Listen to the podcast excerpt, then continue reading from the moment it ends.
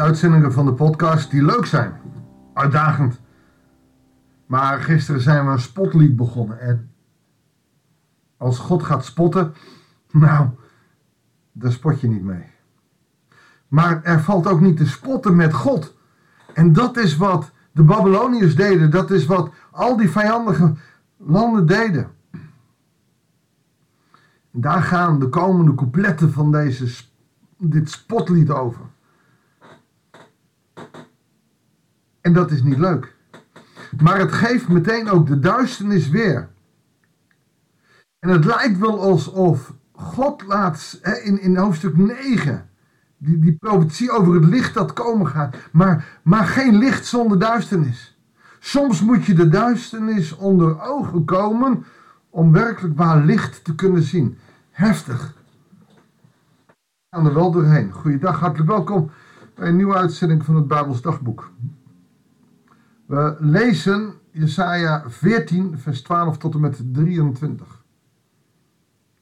O morgenster, zoon van de dageraad, hoe diep ben je uit de hemel gevallen? Overwinnaar van alle volken, hoe lig je daar ter aarde neergeworpen? Die o morgenster en die zon van de dageraad is kritiek op de mythische goden van de Grieken. De helden. De helden die vereerd werden. De grote Griekse goden. Jij bij jezelf, ik stijg op naar de hemel.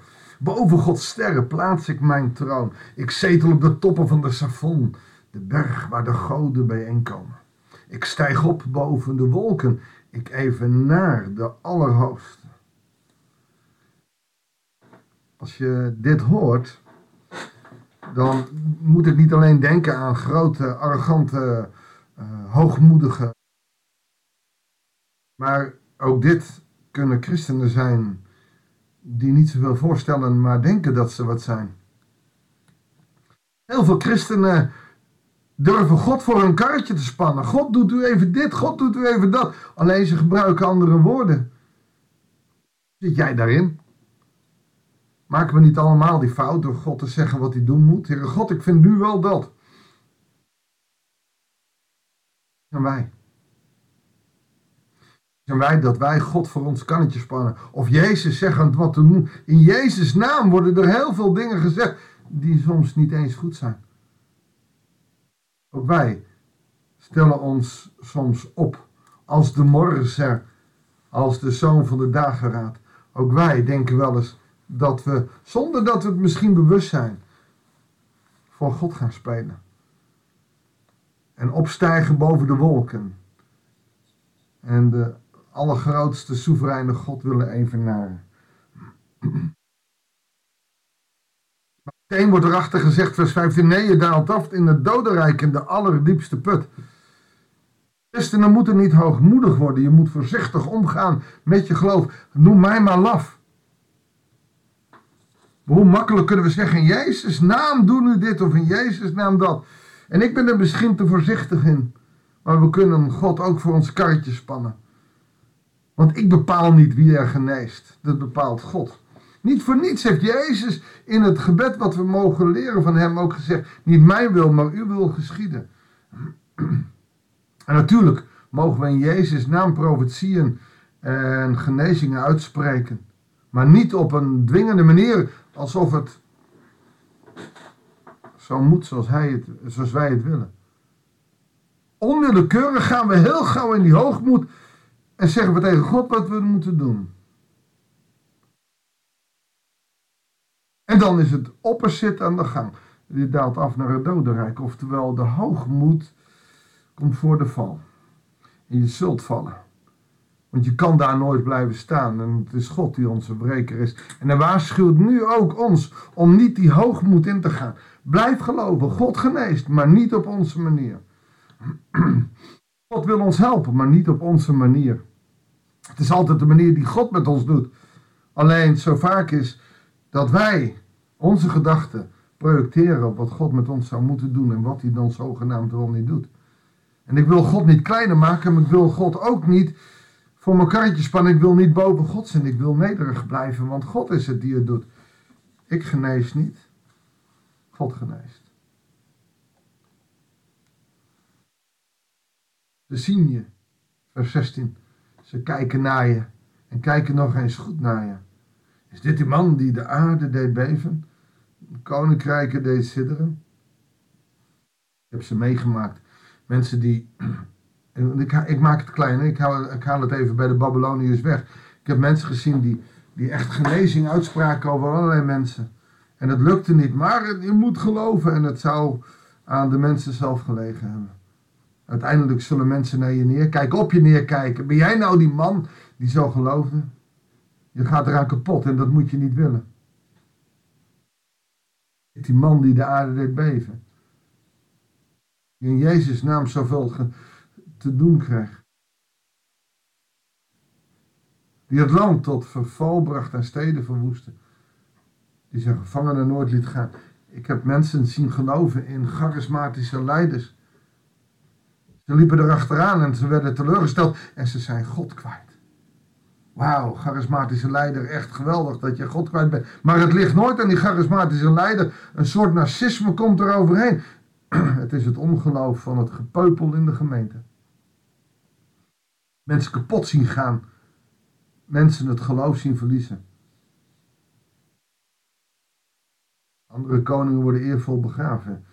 Ieder een eigen paraalgraf. Maar jij bent ver van je graf weggegooid als een afgekeurde twijg. God probeert te bemoedigen en laten zien wat er met de vijanden gebeurt. Je ligt bedolven onder de lijken van hen die door het zwaard zijn doorboord. Die zijn afgedaald in de put en met stenen bedekt. Je bent vertrapt als een kadaver. Jij wordt niet bij vorsten te rusten gelegd, want jij hebt je land verwoest en je volk vermoord. Over het nageslacht van de schurkers jij zal niemand nog spreken. leidt zijn zonen naar de slachtbank, omdat hun voorvaders hebben misdaan. Nooit meer zullen zij de wereld veroveren, nog de aarde bedekken met hun stenen. God laat hier zijn macht zien.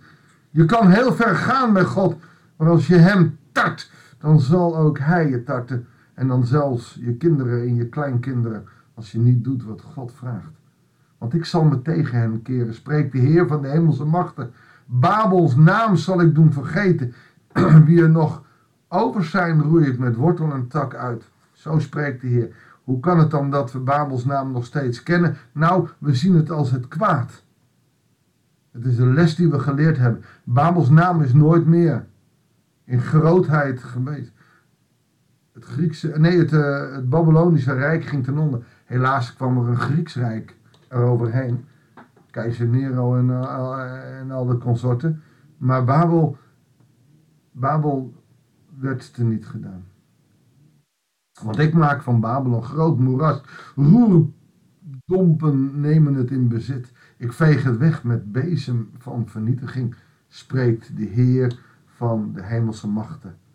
Jawel, Sebaot. Oftewel, het gaat hier ergens om, als dat een paar keer herhaald wordt, dat spreekt de Heer van de hemelse machten. En Babylonië is geen macht meer, het is verdeeld in kleine stukjes. Het is niet meer dat grootse macht die van Babylonië, zeg maar van Ur tot aan ver in Azië aan de macht was. Zo'n grote macht kan nooit bestaan, want het, het loopt naar je hoofd toe en je wordt hoogmoedig. En al vaker zijn er van die grote machten geweest. Hitler had het hoog in zijn bol en die dacht wel even heel Europa, heel de wereld naar zijn hand te zetten. En uiteindelijk heeft hij zelfmoord gepleegd omdat hij niets was. Want God laat het niet toe dat mensen hoogmoedig worden. Kijk maar naar de torenbouw van Babel. In deze tijd was het dat ze die hoogmoed had. Maar God heeft het in het begin laten zetten. Hij heeft daar al gewaarschuwd. Word niet zoals, hè, zo groot als ik. Denk niet dat je zo groot wordt als ik. Want ik, ik, ik doe het in de vernietiging. En hier laat hij zien dat Babel vernietigd wordt. Wij mogen niet hoogmoedig zijn, we moeten nederig zijn. God is onze koning, hij werkt door ons heen. Niet wij, maar hij doet het in ons. En Jezus leert het, niet ik, maar u. Niet ik, maar u. Mag ik met je bidden? Heere God, het is niet ik. En wij denken zo gauw in ik, ik, ik. En ook al denken we het heel mooi te zeggen, we denken zo in ik, Heer, het moet u zijn die spreekt. Wil ons door de kracht van uw geest laten voelen wie u bent. Leer ons uw wil te volgen, zodat we niet die hoogmoed krijgen van de koningen van Babel. Heer, Babel is niks meer. Het bestaat niet meer. Omdat u hier geprofiteerd hebt dat u het zal vernietigen. We kennen het alleen vanuit de geschiedenis. En dat het het kwaad was. Heer, vergeef ons als wij ook die hoogmoed hebben. Vergeef ons als wij denken dat wij u voor ons karretje kunnen spannen. Geef ons door de kracht van uw geest het geloof dat we het juiste doen. Al heeft het met genezing te maken, al heeft het niet met genezing te maken. We zoeken uw wil. Geef ons die in de kracht van uw geest. Dat bidden we u in Jezus' naam. Amen. Dankjewel voor het luisteren. Ik wens je God zegen en heel graag tot de volgende uitzending van het Bijbelsdagboek.